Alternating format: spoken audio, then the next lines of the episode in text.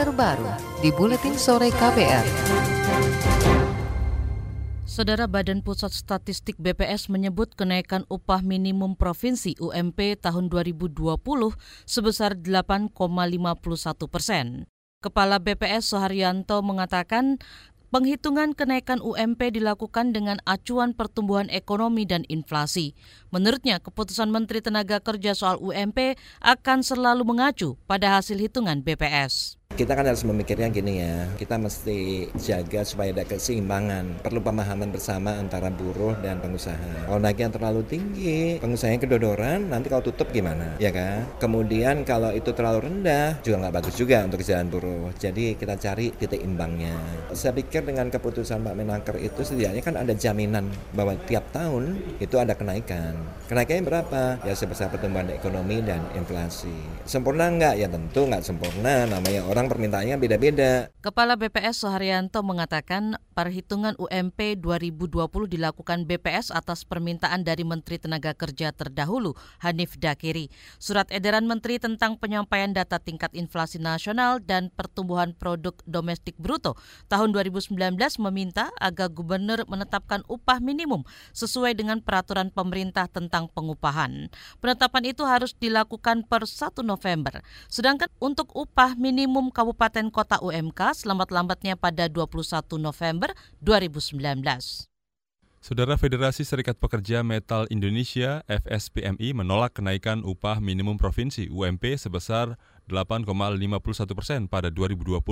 Sekretaris Jenderal FSPMI Riden Hatam Aziz beralasan buruh tidak pernah dilibatkan dalam perundingan pembahasan terkait kenaikan UMP buruh menginginkan komponen kehidupan, maksud kami komponen kebutuhan hidup layak KHL dijadikan tolok ukur dalam perumusan kenaikan upah tersebut yang keroknya lah PP nomor 78 ini yang ditantangani oleh Presiden Joko Widodo itu. Sebenarnya sebelum adanya PP 78 itu mekanismenya berjalan dengan dengan bagus gitu ya, survei pasar dan segala macamnya. Termasuk soal KHL tadi, tadi kan saya sudah sebutin, Dewan Pengupahan Nasional itu sudah bersepakat 78 item. Nah, kenapa itu tetap tidak dipakai? Karena itu tadi PP 78 hanya melihat inflasi dan PDB.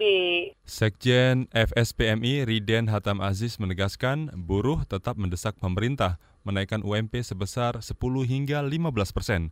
Angka kenaikan ideal versi buruh itu diperoleh berdasarkan 78 kebutuhan hidup layak atau KHL. Riden mengancam jika tuntutan tidak ditanggapi pemerintah, maka buruh akan melakukan aksi protes besar-besaran. Asosiasi Pengusaha Indonesia Apindo meminta pemerintah meringankan beban perusahaan pasca kenaikan upah minimum provinsi UMP 2020. Keringanan itu antara lain dari sektor perpajakan dan pemberian jaminan kesehatan bagi pekerja. Menurut Ketua Kebijakan Publik Asosiasi Pengusaha Indonesia, Sutrisno Iwantono, beban perusahaan akan semakin berat usai kenaikan UMP yang mencapai 8,51 persen. Kita dihajar oleh upah buruh, dihajar oleh BPJS yang naik, ya nanti dikejar-kejar lagi oleh pajak, kemudian peraturan perizinan yang tidak kunjung juga sederhana, ya itu pasti kita akan susah. Ketua Kebijakan Publik Apindo Sutrisno Iwantono khawatir tingginya kenaikan upah buruh akan mengganggu iklim usaha yang berdampak pada pilotnya perusahaan. Dia menilai pilotnya perusahaan akan berimbas pada pemutusan hubungan kerja. Selain itu menurutnya 2020 akan menjadi tahun cukup berat untuk perusahaan yang memprediksi resesi atau kemerosotan ekonomi global akan terjadi di tahun itu. Pemerintah menjanjikan insentif untuk industri padat karya yang usahanya tertekan karena kenaikan upah minimum pekerja. Menteri Ketenagakerjaan Ida Fauzia tak merinci bentuk insentif yang disiapkan untuk industri tersebut.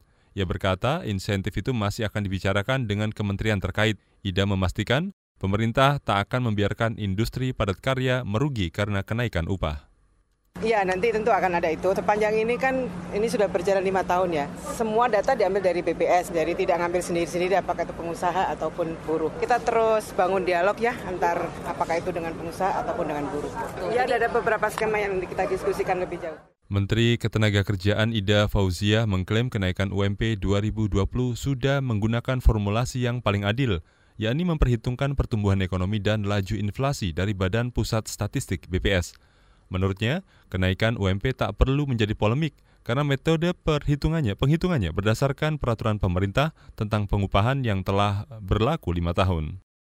Akademisi Fakultas Hukum Universitas Trisakti Andari Yuri Kosari meminta pemerintah mengaktifkan kembali fungsi Dewan Pengupahan seperti yang ditetapkan di Undang-Undang tentang Ketenaga Kerjaan.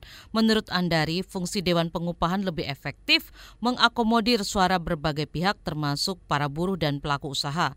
Hal ini menjadi dasar dibandingkan penerapan sistem pengupahan berdasarkan peraturan pemerintah tahun 2015 yang mengacu pada inflasi bukan kebutuhan hidup layak layak. Sebenarnya kan undang-undang sudah mengatur adanya Dewan Pengupahan dan seterusnya. Artinya fungsi Dewan Pengupahan itu diaktifkan lagi dong. Kemudian PP ini ditinjau ulang gitu. Apakah memang sesuai dengan undang-undang gitu kan? Ini ini kesulitannya Mbak. Kalau saya sih kembali yang ke dulu. Kalau dulu kan enak. Upah minimum ditetapkan Dewan Pengupahan. Sudah ada angka kemudian diajukan kepada kepala daerah untuk ditetapkan. Entah gubernur, entah wali kota atau bupati kan gitu dulu.